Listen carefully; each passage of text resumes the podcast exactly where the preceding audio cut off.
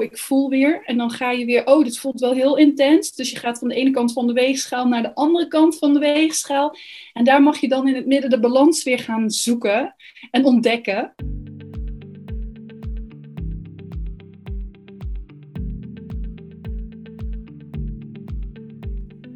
Welkom bij de Liefdesbrigade podcast. Mijn naam is Jasmine Lindenburg en als holistisch therapeut begeleid ik jou bij het proces naar innerlijke vrijheid. Ik help je bij het loslaten van belemmerende overtuigingen en onverwerkte emoties, zodat jij vol zelfvertrouwen gaat staan voor wie je bent en je jouw eigen pad gaat bewandelen. Hier vind je inspirerende inzichten, wijze lessen en praktische tips voor een diepe hartsverbinding met jezelf en met anderen. Want echt leven is verbinding en verbinding is liefde. Luister je mee? Hey lieve liefdesbrigadier, wat fijn dat je weer bent bij deze nieuwe aflevering. En dit is geen aflevering van mij alleen. Vandaag is namelijk Marielle de Leeuw, ook wel bekend als Sterrenvrouw op Instagram, bij mij aangeschoven als liefdesbrigadier van vandaag. Als kind wist, voelde en zag Marielle al heel veel, maar dat werd niet altijd geaccepteerd door haar omgeving. En hierdoor ging ze zich aanpassen aan wat de omgeving van haar verwachtte en raakte ze steeds verder verwijderd van zichzelf. Uiteindelijk was het een burn-out in combinatie met depressie die haar terugbracht in de verbinding met zichzelf. Ze leerde weer om echt te voelen, te luisteren naar haar intuïtie en om te kiezen voor zichzelf en voor wat zij echt wil. Anderhalf jaar geleden kwam ze spiritueel uit de kast en inmiddels is ze werkzaam als spiritueel coach en intuïtief tarotista, waarbij ze readings geeft voor persoonlijke groei en bewustwording. In deze aflevering vertelt Marielle openhartig over de innerlijke reis die ze tot nu toe heeft afgelegd en deelt ze haar wijze inzichten en praktische tips met jou. We spreken onder andere over spiritualiteit, in contact komen met je gevoel, leren luisteren naar je intuïtie, hoe je ervoor kiest om jezelf op nummer 1 te zetten en hoe Marielle tarot en orakelkaarten inzet tijdens haar readings. Geniet van dit gesprek en dan kom ik daarna weer bij je terug.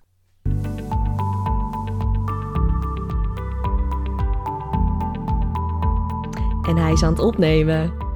Yes! Welkom in de podcast, Marielle. Ja, leuk. Fijn dat ik uh, er mag zijn. Leuk. Ja, ik vind het super leuk dat je hier bent, want ik weet zeker dat we een heel inspirerend gesprek gaan neerzetten samen. Ja, ik heb er zin in. Ik ook. Dus laat ik gewoon gelijk beginnen met mijn eerste vraag voor jou. Voor de luisteraars die nog niet eerder naar deze podcast hebben geluisterd. De Liefdesbrigade is een groep mensen die samen met elkaar leven in het licht en die op hun eigen manier liefde verspreiden. En deze groep mensen die weten ook dat als je dat wil doen, dat het allemaal eerst begint bij jezelf. Dus deze groep mensen die hebben de reis naar binnen afgelegd of zijn ermee bezig, zodat zij eerst het licht in zichzelf vinden en dat vervolgens kunnen uitstralen naar de mensen om hen heen en dat zij vervolgens op hun eigen manier liefde kunnen verspreiden. Dus het begint allemaal bij jezelf, bij zelfliefde. En dan is mijn eerste vraag ook voor jou: wat betekent zelfliefde voor jou? Wat een mooie vraag om daarmee te starten. Ehm, wat betekent zelfliefde voor mij? Is goed voor jezelf zorgen. Um, goed je eigen uh, leren kennen. En daarbij ook handelen naar wat je zelf nodig hebt. En uh, dat is soms een uitdaging, uiteraard. Uh, maar van daaruit ook niet boos op jezelf of jezelf niet veroordelen, maar weten dat je altijd kunt schakelen of uh, ervan kunt leren en van daaruit nieuwe keuzes kunt maken. Ja, en, en hoe ziet het dat er dan voor jou uit in de praktijk? Ik ben iemand die heel veel tegelijk wil en heel veel tegelijk doet. Dus op basis daarvan, als we dan de zelfliefde erbij pakken, um, dat het soms de rem even op mag. Dat de rem op mag en dat het dan niet erg is wanneer iets wat later komt. Um, of gewoon zeggen: Oké, en nu zet ik alles aan de kant en ga ik doen waar heb ik nu behoefte aan. Vooral die zin: wat heb ik nu nodig en waar heb ik nu behoefte aan? En dat gaan doen. Zonder jezelf schuldig te voelen naar wat er blijft liggen of wat je verzet. Ja, dus dan is zelfliefde voor jou dus echt voelen wat jij op dit moment nodig hebt en daar ook echt aan toegeven. Ja, ja. En is dat altijd zo geweest in jouw leven? Nee, dat is niet altijd zo geweest en het is nog steeds een ongoing process. Het gaat nog steeds, trap ik in de valkuil van er soms aan voorbij gaan. Ehm, ik heb in het verleden, ehm, om dan gelijk er mee te starten, burn-outs gehad. Gecombineerd met een depressie, waardoor je echt letterlijk op de rem gezet wordt, weer opnieuw mag gaan leren voelen. Um, nou raad ik niemand een burn-out aan, maar het is het beste wat mij overkomen is. Om van daaruit weer back to basic te gaan en te leren voelen. Uh, te leren voelen naar wat ik nodig heb. Uh, het nee leren zeggen. Um, ja, en is dat dan kaderen? Vooral inderdaad jezelf op die eerste plek zetten. En van daaruit ook echt voldoen aan je eigen behoeften. En ook het stuk dat als je altijd voor een ander klaar staat en je bent zelf helemaal leeg, heb je op een gegeven moment niks meer te geven.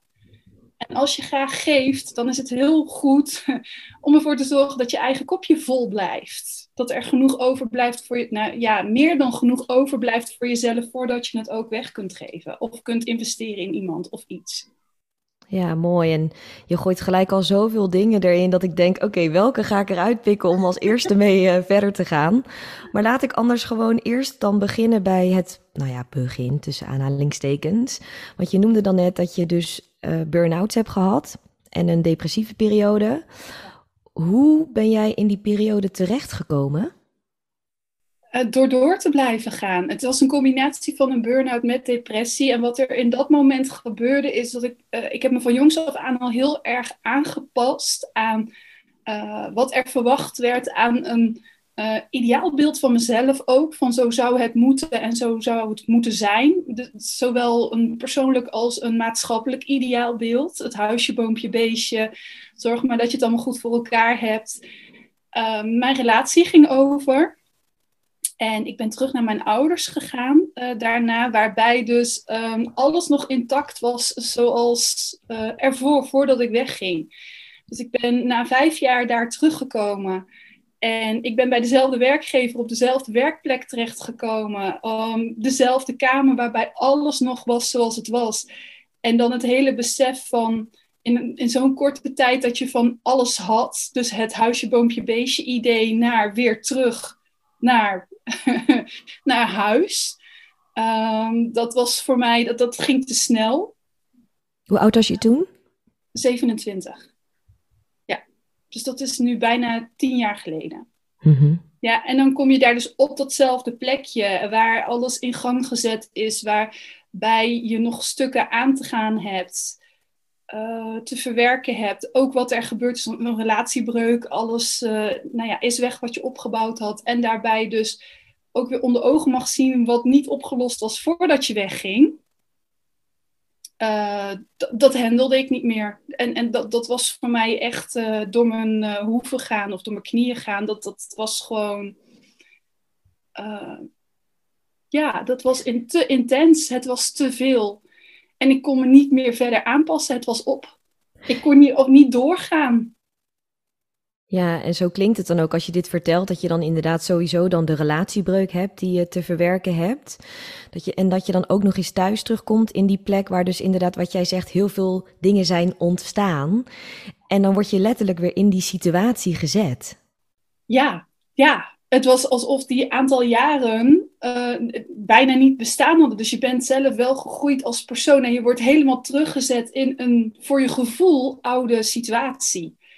En ja, dat, dat was intens. Ja. Wat is er daarna gebeurd? Na de burn-out bedoel je dan? Of in die periode? In die periode. In die periode. Nou, um, dan komen er dus mensen op je pad. Een werkgever die, niet, um, die, die je niet serieus neemt, dus over je grens gaat. Heel, het, klinkt achteraf gezien heel logisch. Dus ik neem daarin ook niemand kwalijk. Ieder heeft zijn rol daarin gehad zoals dat had moeten zijn. Um, dus daarin ben ik uh, niet serieus genomen, moest ik doorwerken. Ben ik na een half jaar dus helemaal thuis komen te zitten voor bijna twee jaar. Uh, en dan ga je denken, want je kunt niet meer voelen. Dat was in mijn geval. Ik kon niet meer voelen. Ik kon er niet meer bij. En dan krijg je alle hulp, professionele hulp, heb ik er wel bij ingeschakeld. En uiteindelijk ben ik door de bedrijfsarts bij uh, een, um, uh, revalidatiecentrum terechtgekomen, een revalidatietraject, waar ik echt heel blij van word. Uh, vanuit een holistische wijze, een holistische visie, waarin gekeken wordt van wat als nou uh, jouw lichaam, ik kon op een gegeven moment niet meer uit bed komen, want mijn lichaam deed het niet meer. Ik kreeg mijn spieren niet meer in gang, mijn, mijn armen konden niet meer bewegen, mijn benen niet. En van daaruit um, mocht ik daar dus naartoe. En, wat als de situatie nou niet verandert, maar je het beste ervan dient te maken met wat je op dat moment kunt. Dus zij gingen niet kijken naar wat zijn je klachten, wat zijn je beperkingen, maar wat kun je hier nu nog? Hoe kun je weer leren genieten? Wat speelt er? Um, een stukje opbouw ook in beweging. Daarnaast ook nog als afsluiting uh, naar een retreat geweest uh, in een um, boeddhistisch klooster. Uh, wat heel erg fijn was. Dus het werd echt vanuit een hele holistische wijze bekeken. En meditatie en rust en opbouwen. En dat heeft mij wel weer laten voelen. Van oké, wat. En, en heel erg het inzicht meegegeven. Oké, als dit de situatie is en die kan ik niet veranderen, betekent het dus dat ik wel mijn visie erop en mijn gevoel erop kan veranderen. Ja, mooi dat je dat noemt. En dan ben ik ook gelijk nieuwsgierig. Hoe, hoe ben je dat dan gaan doen om weer echt te leren voelen? Want je zei inderdaad, hè, eerder zei je, ik zat zo in mijn hoofd, ik kon gewoon niet meer bij dat gevoel komen. En ik weet zeker dat er zoveel luisteraars zijn die dat herkennen. Maar hoe kom je dan in contact weer met dat gevoel? Ja, het begint echt heel erg van, het begon bij mij, heel erg vanuit mijn hoofd. Dus rondlopen, ik moest wandelingen gaan maken. En wilde dat zelf ook naar buiten, frisse lucht, de natuur. Ik ben letterlijk gaan leren voelen door weer blaadjes aan te raken. Uh, door te kijken en een vlinder te zien. En oh, wauw. Echt letterlijk tegen mezelf gezegd: oh, wauw, wat mooi een vlinder. In plaats van. Uh, dan blijkt dat we het allemaal zo uh, vanzelfsprekend opnemen. En als dat het allemaal heel logisch is. Dus het bewust worden van, oh, en dit voelt, en stofjes gaan voelen en kleuren gaan zien. En dan echt bewust mezelf de opdracht ook geven van, kijk, dit is paars oh, wat vind ik hiervan? Wat voel ik hierbij? Dus het gaat misschien best ver. Um, ja, of juist niet. Kan ook. Het, het is echt dat. En ik lees heel graag, dus ik ben ook heel veel boeken gaan lezen. Wat voor mij ook heel erg geholpen heeft, is. Um, uh, ik ben een weekend training gaan doen uh, zelf. Uh, dus ik was niet de trainer, maar degene die het mocht ondergaan. Um, bij een Louise Hay practitioner. En zij, um, Louise Hay is van het boekje Kunt je leven helen. En daar heb ik ook weer opnieuw, ja, daar ben ik helemaal uh, ja, gaan voelen.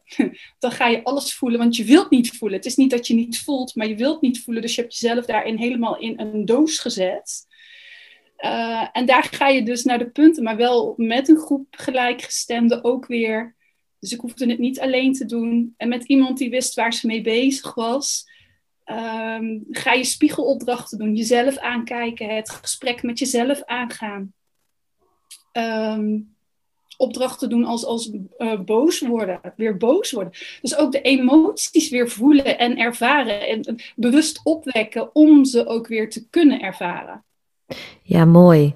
Mooi. Wat je dan eerst zei, is dat je dan dus echt letterlijk je sensaties ging ervaren. Door bijvoorbeeld dan echt iets vast te houden of te voelen, echt door je vingers te laten gaan. En ook om dus echt bewust je aandacht echt naar binnen te keren. En echt die verbinding aan te gaan met jezelf. En dan niet alleen de, de prettige kanten, maar juist ook die ongemakkelijke kanten die je al die tijd buiten probeerde te houden.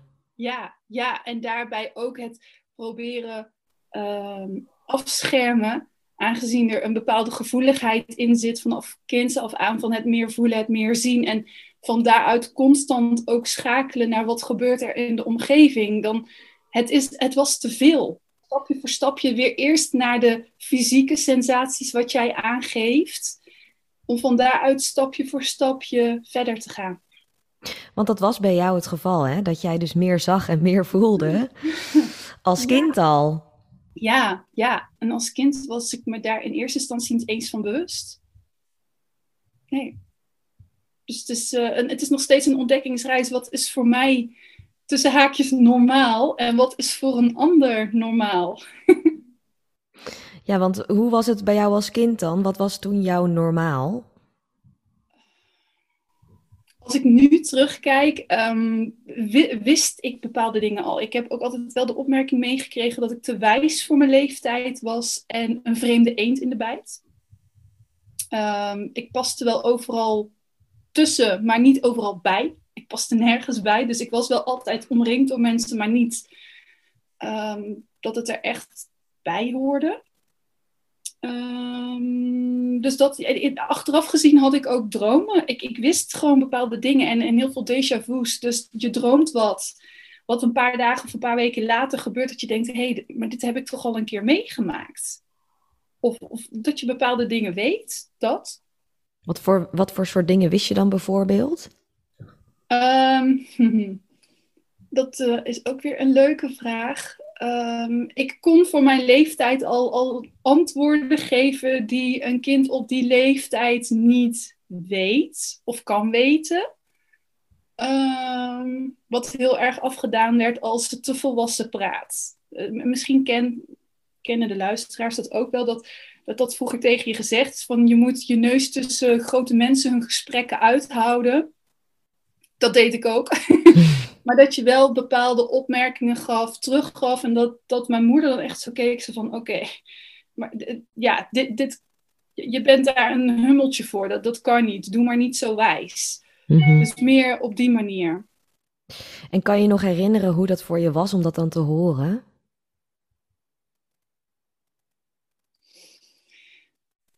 Uh, als vanzelfsprekend. Um, ik ben de oudste van het gezin en heb ook al jong daarin de rol van verzorgende op me genomen. Ja, wat deed het dan met me? Het was gewoon wat het was. Ja. Ik deed wat ik op dat moment dacht dat ik moest doen. Ja, en dat, dat, ik denk dat heel veel mensen dat hebben gehad in hun jeugd. Dat, dat je soms dingen voelt of dingen hoort of dingen weet of dingen snapt, maar dat de, de buitenwereld dat dan niet bevestigt. En dat je daardoor gaat leren dat je gevoel of je intuïtie, hè, dat dat dus niet klopt. Omdat iedereen zegt van, joh, doe even normaal. Of wat je zegt klopt niet. Of nee hoor, ik voel me helemaal niet zo. Dat voel je verkeerd. Maar zo leren wij als kinderen natuurlijk om niet te luisteren naar, naar die fijngevoeligheid die we eigenlijk ja, allemaal als kinderen wel hebben. En wat voor effect heeft dat dan gehad op de rest van jouw leven? Nou ja, je kiest ervoor om bepaalde dingen die je voelt niet te zeggen meer. Dat is wel het stuk waar je naartoe gaat van oké, wat, wat is het verwachtingspatroon? Want uiteindelijk kwam die burn-out er ook niet voor niets. Dus wat is het verwachtingspatroon? Nou, als ik dit zeg en ik krijg inderdaad een deksel op mijn neus of uh, niet de erkenning, niet van oh ja, hè? Of, of je krijgt de opmerking van doe eens niet zo wijs of bemoei je er niet mee. Dan ga je kijken, oh, maar waar wordt dan wel goed op gereageerd? Dus dat is echt uh, uh, een chameleon. Zo omschrijf ik het. Je wordt een chameleon. Je kunt je zodanig aanpassen in ruimtes, in situaties, dat je dat precies kunt geven wat ehm, iemand verwacht. Omdat die sensoren zo afgestemd staan op uh, wat is het gewenste gedrag wat een ander van mij ziet. Ja. Waardoor je dus ook een stuk van jezelf kwijtraakt. Um, en als er dan te veel gebeurt, uh, je helemaal de weg kwijtraakt en zelfs een stukje identiteit terug mag gaan zoeken. Ja, en was dat dan ook die periode waarin die burn-out ontstond? Was dat ook die periode voor jou dat je toen voelde van oké, alles wat ik dacht, of in ieder geval hoe ik mezelf gedroeg, is eigenlijk niet wie ik echt ben. En ik ben eigenlijk op zoek naar dat stukje identiteit? Absoluut. Ja, wie ben ik? Wie ben ik? Wat wil ik? Wat kan ik? Wat heb ik hier te doen? Waarom ben ik hier? Ook een, een vraag die, uh, die heel lang heeft gezeten. Waarom ben ik hier in godsnaam? Ja, dus echt die zingevingsvragen. Ja. Ja. En je zei net eerder al in het gesprek, ja, met burn-out, die periode is toch ook wel echt het beste wat me is overkomen. Wat bedoel je daar dan mee? Het heeft me echt opnieuw leren voelen. Ik was er na die periode nog niet. Dat, ehm, wat ik al zeg, dan gaan we echt, dan gaan we nog, ik, ik ben echt pas nu een jaar of zes hersteld. Vijf, zes jaar. Uh, ik ben nu 36, dat is wel even fijn voor de beeldvorming dan. Uh, dus tussen mijn 27ste en 30ste, 31ste in die periode is, is heel dat proces van die uh, burn-out met depressie geweest. En het stukje herstel, want dan mag je weer van, oh, ik voel weer. En dan ga je weer, oh, dit voelt wel heel intens. Dus je gaat van de ene kant van de weegschaal naar de andere kant van de weegschaal. En daar mag je dan in het midden de balans weer gaan zoeken en ontdekken. En dan denk je, oh, dit is te veel. Of, oh, er kan nog wel wat bij. En dan blijkt het dat het weer niet zo ver kan. Um, en dan zit ik nou te bedenken, je had een vraag en ik weet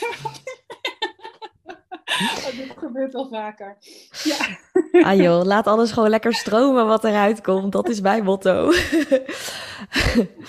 Maar de vraag die ik stelde was hoe die burn-out periode met de depressie echt het beste is wat je is overkomen. En toen zei je dus ja, ik ben daardoor echt gaan voelen. Ik heb weer leren voelen. En wat merkte je bijvoorbeeld nog meer? Um, het, het echt kiezen voor, voor wat ik graag wil doen. En het stuk, uh, er is een stuk wat ik heel lang um, ja, verborgen gehouden heb. Vond mijn omgeving achteraf gezien niet toen ik uit de spirituele kast kwam. Um, maar wel dat hele stuk, ik heb dat altijd van het mocht niet buitenshuis gedeeld worden. Uh, is met de beste bedoelingen gezegd. Want mensen konden er wat van vinden. Mensen konden je voor gek verslijten. En dus, dus met alle liefde is dat zo gezegd. Maar het is zo'n stuk van jezelf opsluiten. En zo'n stuk van jezelf ontkennen. Dat heeft het me opgeleverd om dat stuk toch weer te gaan onderzoeken. En daarin uh, mijn eigen pad te gaan volgen. Wat me brengt tot waar ik nu ben. Ja, laten we daar wat dieper op ingaan. Want ja, dan ben ik allereerst benieuwd wat spiritualiteit voor jou betekent. Oh, heerlijke vraag. Ehm, spiritualiteit betekent voor mij echt naar je eh, essentie gaan. En je essentie, dat mag je zien als wie je in de kern zelf bent. En daarnaast naar uh, de verbinding die we allemaal hebben vanuit een, noem het een hogere bron, noem het de universele liefde, vind ik een veel fijner woord. Ehm, en, en voor de luisteraar welk woord dat hij of zij eraan geeft, um, ja, het grote geheel. Dat is voor mij spiritualiteit. Mijn eerste instantie um, naar je eigen essentie gaan. Ja, en is dat dan ook bij jou ontstaan na die periode van je burn-out? Dat je toen echt naar je essentie bent gegaan? Ja, en wat is dat dan naar die essentie gaan, hoor ik je al zeggen. Precies, dat was mijn vervolgvraag. Ehm, de essentie voor mij is naar je innerlijke stem luisteren. Dus de, een intuïtie, je gevoel. Echt naar dat stuk. En dan komen we weer bij die vragen: wat voel ik? Ehm, wat heb ik nu nodig? En wat kan ik bijdragen? En dat stuk essentie voor mij, uh, daar, die zoektocht. Alles is een ontdekkingszoektocht geweest. En soms nog. um, hoe, hoe kun je het hier mooier maken? Hoe kun je hoe kun je het hier zelf heel erg leuk hebben, maar ook met elkaar? Dat, dat is voor mij wel een heel belangrijk stuk daarin. Ja, en als je dan zegt ook dat je echt leert luisteren naar je intuïtie, naar die innerlijke stem. Wat, wat heeft jou daar dan bij geholpen om dat, om dat contact te versterken? Mezelf openstellen en dat stuk in mezelf, in eerste instantie mezelf erkennen dat mijn wereld wellicht en accepteren dat mijn wereld wellicht er anders uit kan zien dan van andere mensen. Hmm. Dus dat, um, dat, dat ik anders voel, um, misschien andere dingen zie, ervaar. Um, dus dat mijn beleving gewoon anders is dan wat anderen zien, doen, denken. Zoals het voor mij heel normaal is om in de tuin te gaan zitten en uh, met mijn katten te praten. Ik noem maar iets heel kleins en ik het idee heb dat ze me daarin antwoord teruggeven, dat dat voor mij als vanzelfsprekend of heel normaal is, die verbinding met mijn kat maken. Uh, terwijl iemand anders een kat als een kat ziet op vier pootjes en fluffy en denkt, nou, leuk ding, dat mouwt. En dat vindt zijn eigen weg wel. Ja. En dan, dan maak ik hem even heel praktisch, want dat kan, ja, dat kan je heel breed pakken. Ja. Hoe kan je hem dan nog meer breed pakken? Um, ik vind het ook heel erg fijn om met rituelen te werken. En dat deed ik dus blijkbaar als kind ook al, bedenk ik me nou in één keer. Ik, ik was ook het kind vroeger uh, wat uh, rozenbottelblaadjes plukte of rozenblaadjes plukte. En dat dan in het water deed en helemaal fijn deed te maken. En dan uh, dacht, oh, zo kan ik een geurwater maken. Um, was voor mij heel normaal. Ik, ik, ik heb werkelijk nu nog geen idee of dat dat ook echt zo was. En ik was ook bijvoorbeeld degene die als, als een nog steeds, als er een vogeltje hier op straat ligt en die kan niet wegvliegen, loop ik er naartoe, dan pak ik het, verzorg ik het en kijk ik wat ik ermee kan doen. Ehm, dat zijn voor mij wel stukken daarin die daar heel belangrijk zijn. Het, verbinding en het contact maken met de natuur. Dus dat uitzicht zo bij mij. Maar dat kan ook zomaar zijn die ritueeltjes als... Het is ehm, vandaag, nu wij hem opnemen, is het nieuwe maan. En ik vind uh, nieuwe maan bijvoorbeeld heel erg mooi. Ik verdiep me daar dan in, in de maancyclus. Van wat doet zo'n maan? Waar staat die voor? En wat kan ik er dan mee? En wat kan ik daarin dan voor anderen betekenen om hun diezelfde magie te laten ervaren daarin? Ja, en wat ik dan ook heel erg in je verhaal terughoor, is dat je dus heel erg in verbinding staat met, met, met jezelf, met, met je behoeften en vooral ook met de natuur. En wij mensen zijn natuurlijk ook een onderdeel van de natuur. Dus daarmee sta je ook al gelijk volledig in contact met je essentie. Voor mij betekent dat het wel, ja, precies zoals je het omschrijft. Ja, we zijn al één en, en niet alleen. Ja. En wat ik dan ook hoor is dat je zegt dat als je bijvoorbeeld wil leren luisteren naar je intuïtie, dat het ook begint bij het niet afwijzen van jouw eigen belevingswereld. Dus dat je echt gaat accepteren en daardoor ook volledig kunt ervaren hoe jij gewoon de wereld ervaart. Ja, precies. En als dat betekent dat je meer kleurtjes ziet, dan, dan is dat zo. En als jij dat ervaart doordat je heel goed kunt aanvoelen wat anderen op dat moment nodig hebben, of voelt wat ze niet uitspreken, of dat het niet klopt wat ze zeggen met wat ze voelen, dat, dat je dat echt mag omarmen, ja. ja.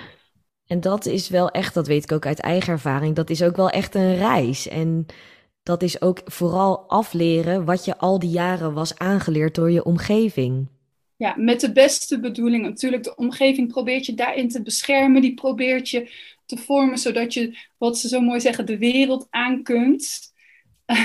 ja, het is, het is zo ontzettend goed bedoeld. En het is zo fijn om te zien dat de ouders van nu ehm, zo bewust zijn en anders ermee omgaan. Ik, ja, dat vind ik mooi.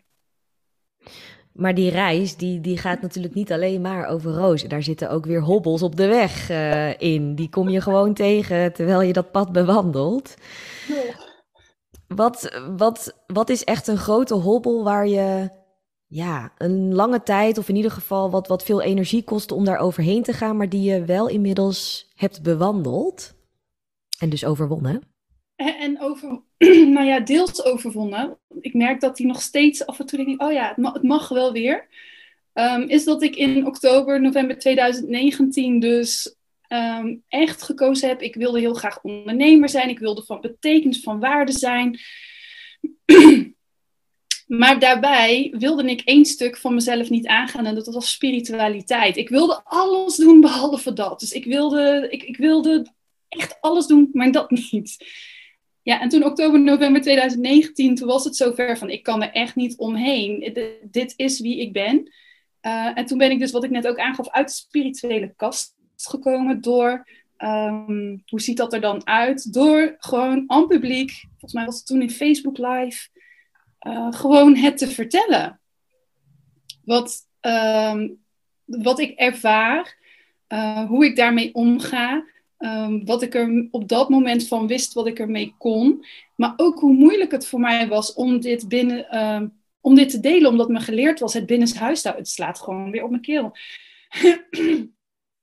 en het mooie ervan was dat ik er heel veel last en heel veel moeite van had, terwijl mijn omgeving zoiets had van: ja, maar dat wisten we toch al lang. je vertelt niks nieuws, waar maak je je druk om? Hoe kan je dan toch verklaren dat de buitenwereld dus al lang dat bij jou zag, maar dat, dat jij dat nog niet op die manier zo naar buiten, of in ieder geval niet zo voelde? Omdat ik me natuurlijk in die box aan alle kanten aan zat te passen van ik doe dit en um, dit is hoe men wenst dat ik me gedraag. Of, um, dus je krijgt ook weer dat vertekende beeld naar jezelf van oh, maar ik gedraag me toch heel onnormaal, zoals anderen dat doen en zoals verwacht wordt. Hoezo kunnen mensen dat dan bij mij oppikken? Ik heb er toch alles aan gedaan dat dat niet zichtbaar zou zijn. Maar ja, dromerig type. Um, wellicht al bepaalde woorden weer gebruiken of dingen die in mijn beleving als tussen haakjes normaal gezien werden of aangepast normaal, wat dus helemaal niet zo bleek te zijn. Ja, en toen kwam jij dus op die Facebook Live spiritueel uit de kast. En wat veranderde er toen in jouw leven? Het voelde als een bevrijding, echt als een opluchting dat ik dacht, oh, ik hoef niet meer te doen alsof. Met tegelijkertijd de volgende hobbel, oh jee, en nu? Wat nu? Wat ga ik hiermee doen? En, wat, en toch ook het stukje, wat vinden mensen nu van mij? Gaan mensen nou anders naar me kijken? Of gaan ze denken ehm, dat, dat ik constant alleen maar aan en open sta en alles zie en, en voel? En dat was anderhalf jaar geleden. Ik had net snel even zitten uitrekenen. Dat was anderhalf jaar geleden. En wat heb jij in de afgelopen anderhalf jaar opgemerkt hierin? Ehm, wie weet kijken mensen wel anders. Maar dan komen we wel weer in het stuk. Het gaat erom wat je van jezelf vindt. En het gaat erom hoe jij naar jezelf kijkt. En op het moment dat ik uit bed kom en in de spiegel kijk en denk, yes, ik ben blij met mezelf en met wat ik doe en wat ik te brengen heb. Ehm, dat is zo ontzettend van waarde en dat is zo ontzettend belangrijk. En uh, ik krijg echt nog wel de hobbels op de weg, inderdaad, dat mensen iets hebben van, oh, oké, dit is apart, dit is raar. Zoals wat dan bijvoorbeeld? Uh, zoals, um, wat zie je dan? En zie je het nu, dat mensen inderdaad echt wel alert zijn. Ik bedoel, wij zitten nu in gesprek. Ik, ben, ik heb mijn focus op ons gesprek en niet op wat er eventueel allemaal omheen zou kunnen zijn. Dus dat, de focus is op ons. En veel mensen die hebben dan zoiets van, oh, maar dat vind ik wel spannend. Of, of heel nieuwsgierig, of willen gelijk alles weten. Dan denk je, ja, ik weet het niet, maar ik ben niet de radiozender die je zo eventjes op de juiste frequentie kan zetten en die dan gelijk dat doet wat er van je gevraagd wordt. Uh, maar ook dat mensen wat afstand houden of bang zijn. Uh, omdat het ook een stukje onbekend is. En natuurlijk, spiritualiteit gaat alle kanten op. Het wordt gezien als uh, enerzijds heel mooi en, en een openbaring en een verhoogd bewustzijn wat we nu ervaren. En anderzijds is er nog steeds een hele grote groep die denkt, oh, maar dat is niet waar. Uh, en daar kan ik niet bij. Kwakzalverij kan er zelfs nog bij komen. Of um, ja, die gewoon nog niet dit stuk aankunnen, omdat het ook een uitdaging is, omdat het niet tastbaar is. Ja. Dus ook dat is weer te begrijpen. Ja, er komt nu een vraag in me op. Welke misvatting over spiritualiteit zou jij de wereld uit willen helpen? Dat spiritualiteit um, abnormaal of paranormaal heet het dan. Paranormaal betekent dat het niet normaal is. En als er dus iets is, is dat spiritualiteit paranormaal, welke naam je eraan wilt geven, alles behalve niet normaal is. Het is wat elk mens heeft, wat elk mens kan. Um, dus het, het, is niks, um, ik zou bijna zeggen, het is niks bijzonders. uh, en anderzijds is het zo'n gift als je um, het wel kunt ervaren en het wel kan omarmen voor jezelf. Dus ja, ja spiritualiteit, ja, spiritualiteit, dat spiritualiteit apart is of echt iets van deze tijd. Ja. ja, dus wat je zegt is dat spiritualiteit dus ja, in essentie gewoon heel normaal is en dat iedereen dat in zich draagt of heeft. En dat er dus heel veel gaat veranderen op het moment dat je dat volledig kan omarmen in jezelf. Ja, en dan mag het helemaal vorm krijgen zoals dat bij jou past. Dus het hoeft ook weer niet te voldoen aan de maatstaven. Uh, niet denigrerend bedoeld nu, maar je hoeft niet heel de dag op een meditatiekussen in lotushouding te zitten met een salie of een wierookje erbij. Um, het mag op elke manier die goed voelt daarin. Hoe komt spiritualiteit dan bij jou tot uiting? Ja, door wel op dat meditatiekussentje te zitten. De hele dag door, all day, every day. um, nou ja, sowieso, ik vind het heerlijk om uh, spiritualiteit, um, hoe dat, dat zich bij mij uit en dat doet. Ik mediteer graag. Is, is dat dan spiritualiteit, die rust en die stilte in jezelf opzoeken? Dan zit ik daar ook weer mee. Dan denk ik, ja, is dat dan spiritualiteit? Voor mij misschien wel, misschien ook niet. Um, ik werk met tarot en orakelkaarten. Is dat spiritualiteit? Dus ik, ik zit heel erg daarin weer van, met jouw vraag van wat voor mij normaal is, is dat dan spiritualiteit? Ik vind het fijn um, om te mediteren. Ik vind het fijn om yoga te doen. Uh, maar dat zijn een beetje de spiritual bypass klassiekers dit. Maar ik vind het ook heel erg fijn uh, om, om geuren om me heen te hebben door middel van olie. Dus mijn zintuigen te laten werken. Of salie of wierook. Of uh, gewoon buiten te zitten en de geuren op te pikken. Dus mijn zintuigen aan te zetten. Um, wat doet het voor me? Ik, dit is echt een vraag waar ik over na moet denken, joh. En nu, de boeken die ik lees, is dat dan misschien ook... ja, noem eens een boek wat, wat, wat jou heel erg heeft geholpen. Of wat jou heel veel heeft gebracht. Uh, ik vind sowieso Big Magic een heel mooi boek. Heb jij Big Magic gelezen? Um, volgens mij heel lang geleden. Dat is toch van Elizabeth nog iets? Uh, Elizabeth, Elizabeth Gilbert van oh, ja. uh, Eten, Bidden en Beminnen. Ja. Ja, maar Big Magic, dat gaat erover dat um, de, een creatieve spirit, zij bekijkt vanuit dat punt, er is een creatieve spirit.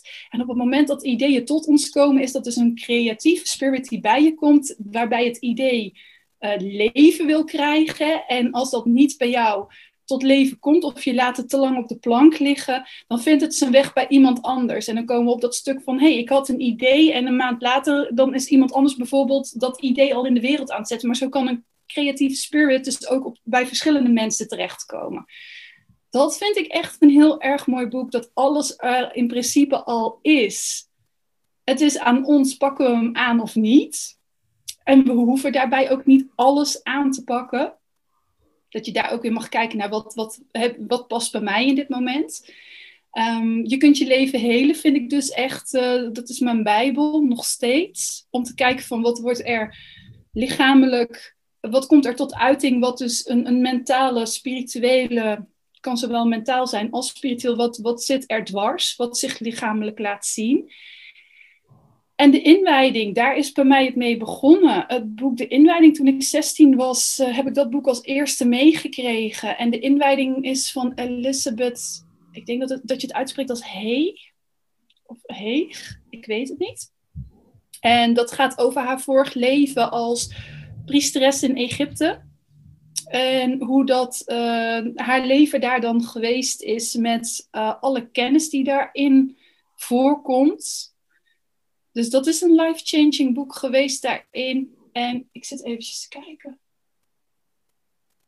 Ja, van deze tijd, Cosmic Woman is een heel erg mooi boek. Ja, ik, ik, ik hou van boeken. Dus ja, ik kan, ik kan heel veel boeken opnoemen die daarin... Maar de inwijding heeft voor mij echt een wereld van verschil gemaakt... toen, ik, toen het net allemaal er bewust van werd. En ik heb daarnaast ook een blik in het hiernamaals gelezen. Een ongewoon gesprek met God. zijn wel wat klassieke boeken maar waar wel heel mooie dingen in staan.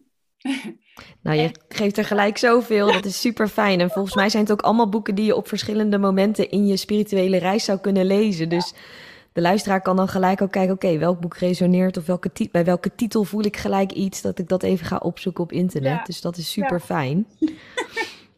En terwijl ik die vraag daarvoor stelde van ja, hoe komt spiritualiteit dan tot uiting bij jou? Ik snap ook dat dat een hele moeilijke vraag is, omdat jouw antwoord op de vraag wat spiritualiteit voor jou betekent, is dat het eigenlijk gewoon zo normaal is, dat het allemaal in ons zit. Dus hoe kun je eigenlijk iets wat zo normaal is, ja, toepassen in je leven? Want het is er al, het is gewoon al aanwezig.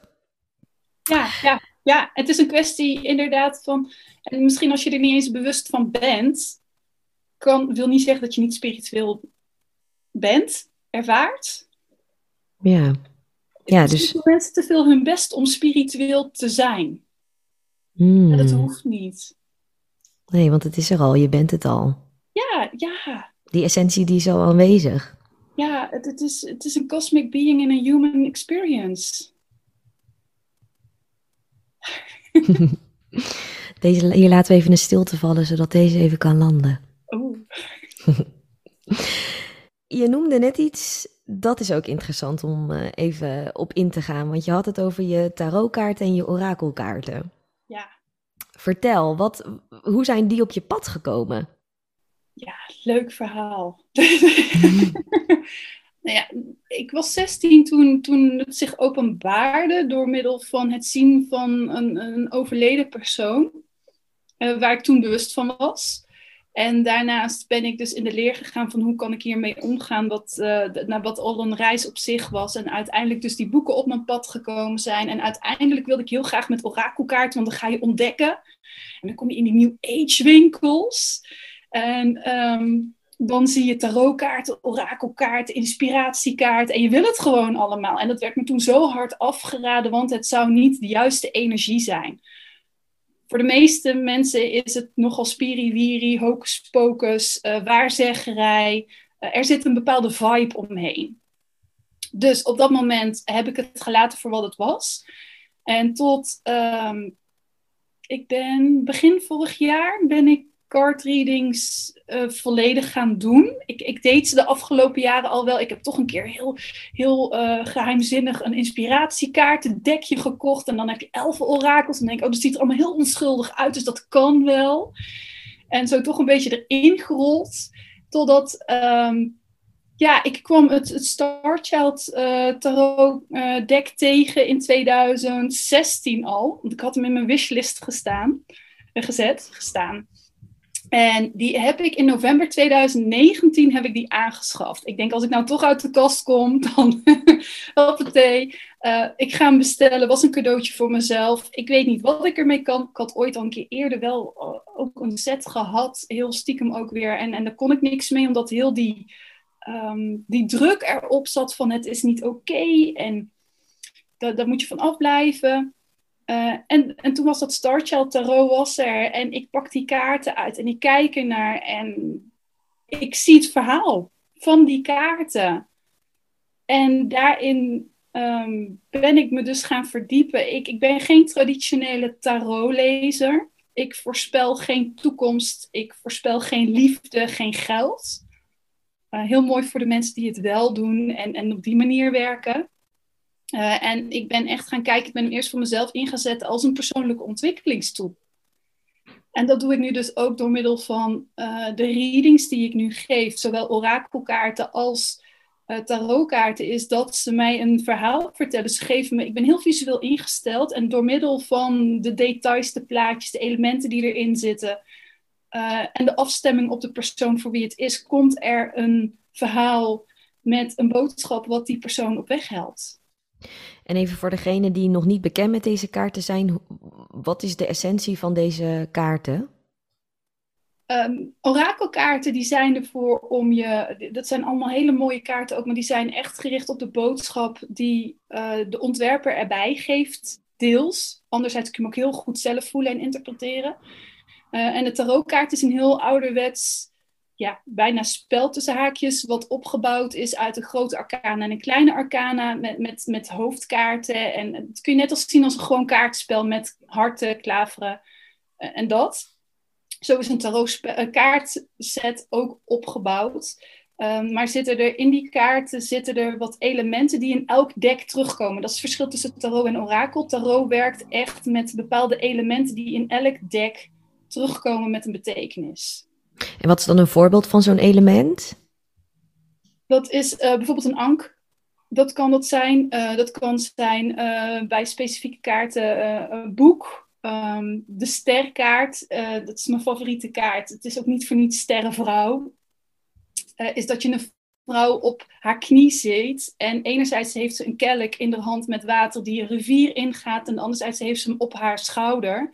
En gaat het water achter haar langs weg. En dan zit er een ster bij en een vogel, dat is de traditionele uh, tarot-setting daarin, uh, wat hoop geeft. En wat geweest is, mag je laten voor wat het is met het water wat naar voren valt. Met, um, en, en, en, het water laten flowen en met de flow meegaan.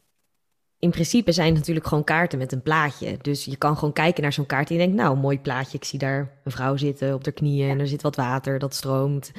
Maar dat is natuurlijk niet hoe jij die readings doet. Nee, nee. En, en dan kun je ook nog heel erg vanuit je hoofd kun je tarot leren. Ik vind dat echt heel knap, mensen die dat kunnen en, en op die manier de betekenissen allemaal zo neerzetten. Ik kijk en het verhaal komt. En inderdaad, ik kijk dan naar water. Wat doet water? Water stroomt. En go with the flow vanuit zachtheid. Als ik een vrouw zie, kan dat kwetsbaarheid zijn. Maar het is uh, net wat de persoon op dat moment wat de vraag van die persoon is. En wat er op dat moment voor boodschap door mag komen. En als dat op dat moment die vrouw is met haar vrouwelijke zachtheid en haar vrouwelijke kracht, die met de flow mee mag gaan, dan is dat het. En als het het andere moment is die vrouw met de ster waarbij zij mag stralen en haar licht mag laten schijnen, dan is dat wat ik zie. En met wat voor vragen komen mensen bij jou? Nou, over het algemeen is het, is het dus persoonlijke uh, ontwikkelingsvragen. Ik, uh, ook qua maanreadings kijk ik altijd van wat is er. Dat, dat is waar, waar ze voor komen van wat, uh, waar loop ik tegenaan? Wat blokkeert mij in dit moment? Ik hou ook heel erg van praktische actiestappen zetten, maar ook van een vrije wil. Dus je kunt een reading doen. Maar als jij besluit linksaf te gaan, ik, ik ga niet zeggen dat je links of rechtsaf moet. Maar als je besluit de weg linksom aan te gaan, uiteindelijk kom je toch wel op dat pad terecht. En soms maak je creëert je eigen toekomst en je eigen lessen op je pad. Uh, dus ik geef alleen maar mee wat er op dat moment in de energie voelbaar is. Dus dan mag je daar zelf mee weten wat je doet. Uh, en dan kijken naar wat, wat stroomt er, welke actiestap mag je zetten, wat blokkeert er, wat geeft er energie, wat, um, wat, wat is je talent, wat, wat, wat, wat doe je goed. Ik kijk niet alleen naar wat er niet goed gaat, maar dat je een combinatie, een beeld krijgt. Combinatie van oh, waar heb ik nog wat te leren en te ontwikkelen en wat mag ik aankijken. Naast van wat gaat er goed en uh, dat je ook mag zien wat, wat, je, ja, wat je goede kanten zijn en hoe ver je al bent gekomen. Het gebeurt Mo niet zomaar. Ja, mooi. Dan ga je dus ook vooral ook op die positieve kanten richten. Ja, ja. En wat voor effect heeft zo'n reading dan op de readie? Dat moet je eigenlijk helemaal niet aan mij vragen. Wat zie jij in hun terug nadat ze de reading hebben ontvangen? De reacties die terugkomen zijn hartverwarmend. Um, het is niet dat ik altijd iets nieuws vertel. Mensen worden zich weer even bewust van, oh ja, dat is er of dat zat er. Uh, dus de herkenning, de erkenning, oh ja, ik mag best wat rustiger aan. Of, oh, ik ben te veel aan het pushen. Of, oh, ik mag een stapje sneller zetten. Ik zit te veel in de afwachtende houding.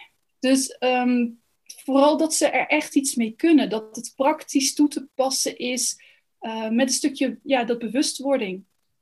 Als je zo ook aan het vertellen bent, dan zie ik ook zo'n weg vormen. En dat er dan bijvoorbeeld drie nieuwe wegen...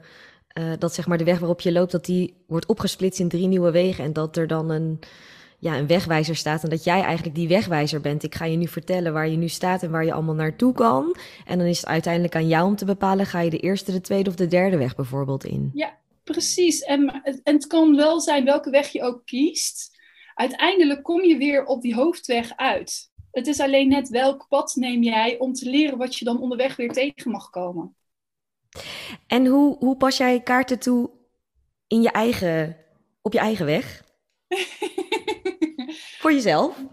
Ja, op mezelf. Nou, ik vind het. Uh, er zijn periodes dat ik het heerlijk vind om mezelf te laten leiden. Door elke dag een kaart te pakken van welke boodschap mag ik vandaag ontvangen. Of waar mag ik me vandaag bewust van zijn. Um, en dat kan zijn tot aan. Uh, ik vind het heerlijk om een nieuwe maand te starten met mijn agenda en een intuïtieve maandplanning te maken. Dus waar mag ik deze maand op focussen? Uh, welke uitdagingen kan ik tegenkomen? Um, dat stuk weer. Ik, ik vind dat hele fijne vragen. Ja. en uh, met de volle maan, nieuwe maan kan het heel erg mooi zijn. Dus wat, een stukje reflectie vind ik ook heel fijn. Want we kunnen onszelf ook heel erg goed natuurlijk voor de gek houden. En uh, met een omweg eromheen gaan. Terwijl uh, ja, een kaart laat zien wat er op dat moment uit mag komen. En, en soms betekent dat voor jezelf ook dingen die je niet aan wil zien. Net zoals degene die een reading mag ontvangen. En om daar dan toch in te deep dive van oké, wat wil ik hier dan niet in zien? Of uh, wat heb ik hier uit te leren? En dat doe ja, je dan dus bij jezelf dus? Ja, ja, ja. ja. Maar ik vind het ook heel fijn om wel eens een reading te ontvangen. Want het is toch fijn als iemand ook eens van buitenaf meekijkt. Dus ik kijk dan zo en dan denk ik, oh, dit is interessant. En ik merk dat ik er omheen aan het werken ben. Dus heb ik iemand even van buitenaf ook nodig om met me mee te kijken. Ja. ja, want ik zit ook te denken dat als je dan een kaart voor jezelf trekt, dan kijk je natuurlijk naar de kaart met je eigen systeem. En dan vraag ik me af, in hoeverre kun je dan echt bijvoorbeeld naar je eigen blinde vlekken kijken of naar echt die stukken kijken die je eigenlijk van jezelf wil weghouden, omdat je natuurlijk wel vanuit je eigen systeem die kaart interpreteert. Durven openstaan. En um, wat je mooi zegt, vanuit je eigen systeem de kaarten interpreteert. Um, ik kan mijn gedachten, wat ik in een reading doe, is mijn stuk, mijn gedachtegang. Ik zet die er tussenuit. Dus ik ben op dat moment een kanaal wat doorgeeft. En dan is het een kwestie van schrijven wat er doorkomt. En aangezien ik in de meeste gevallen niet exact weet wat er tijdens een reading doorkomt, kan ik het teruglezen of ik spreek het in. En dan hoor ik, dus um, ik ervaar wel dat er bij mij altijd wel iets meer doorkomt dan dat het vanuit mijn eigen systeem is. Ja. Ook naar mezelf. Ja, en dat maakt natuurlijk ook dat je die readings ook kan geven voor anderen, omdat je kanaal zo open en helder is dat het gewoon letterlijk door je heen kan stromen. Ja, en soms zijn er ook heel eerlijk momenten dat wanneer ik niet lekker in mijn vel zit of wanneer er in mijn hoofd te veel gebeurt, um, dat een reading niet plaats kan vinden, omdat de mind er te veel tussen zit. En ook dat is een kwestie van durven aangeven van, goh, ik zou dit voor je doen. Ik merk dat ik nu niet. Dat is het mens zijn.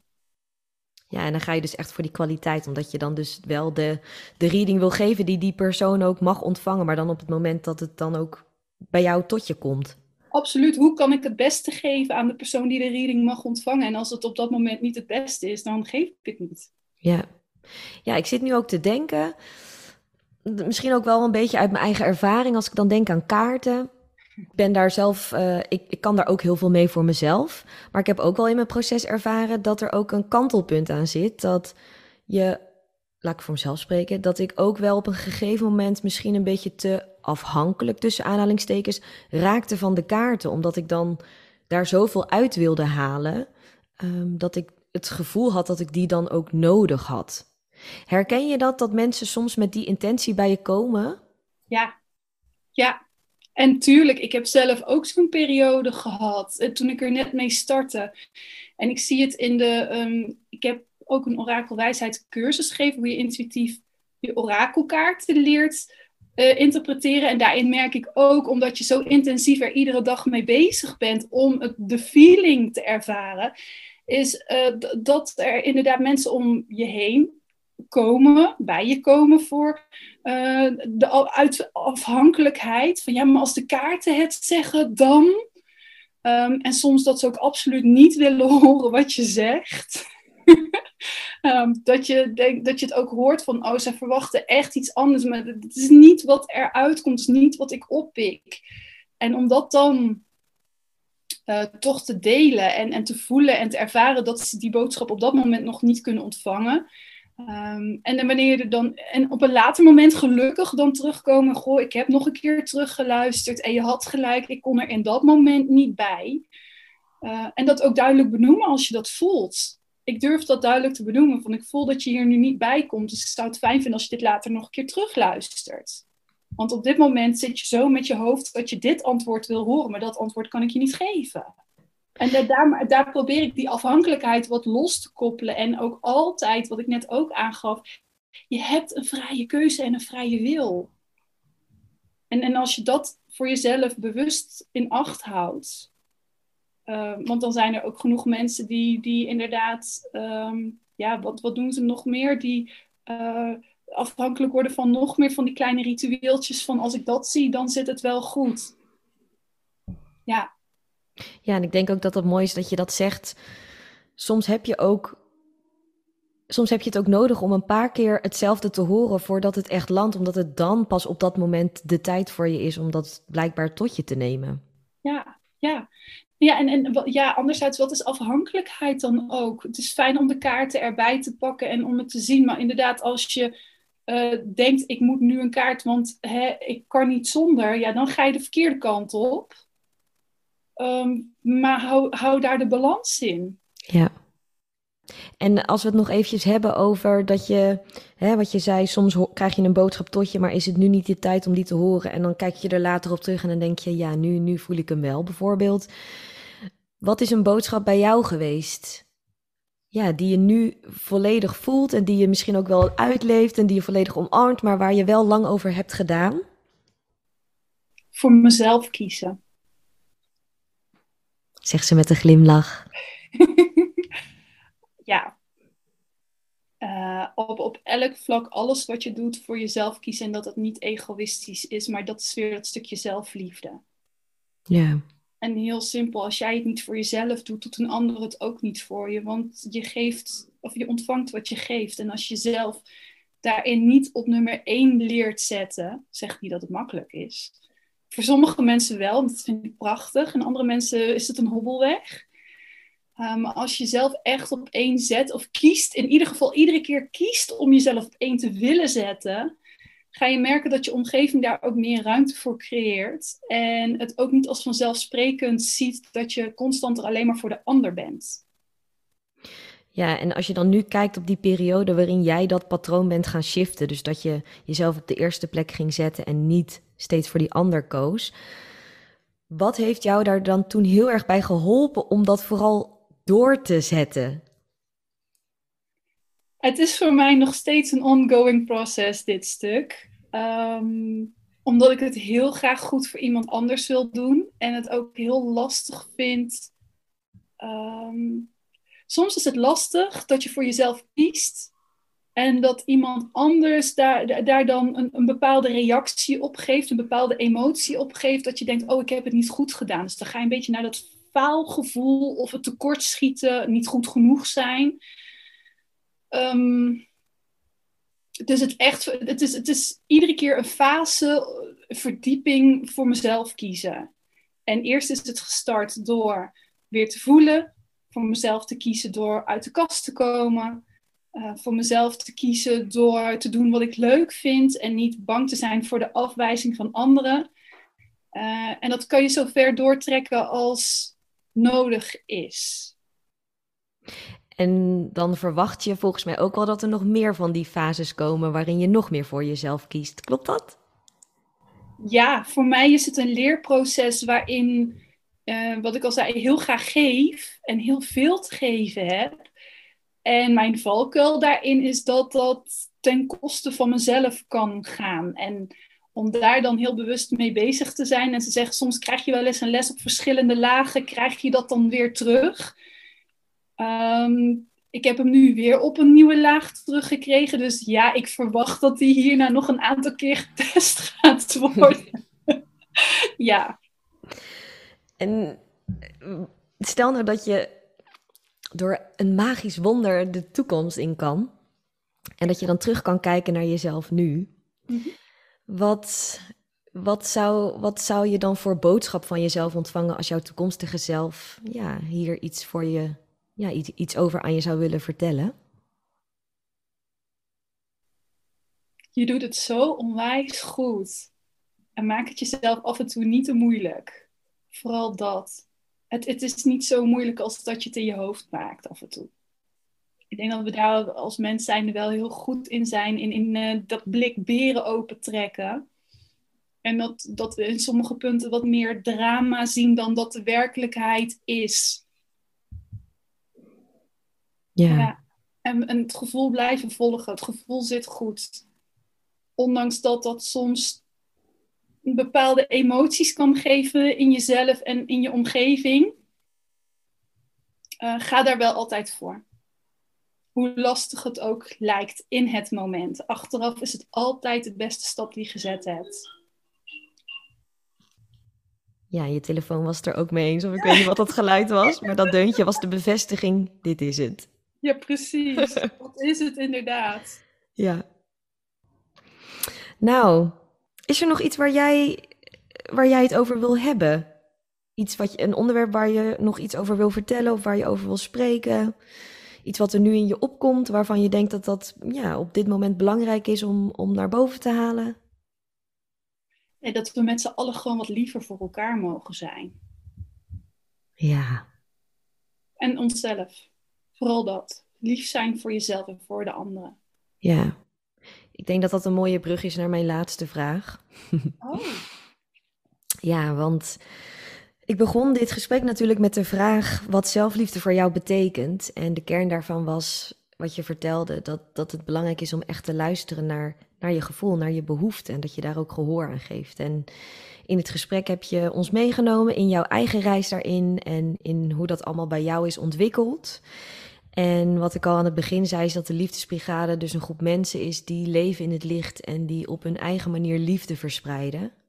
En nu we weten wat zelfliefde voor jou betekent, is mijn laatste vraag voor jou: hoe verspreid jij dan liefde? Hoe verspreid ik liefde?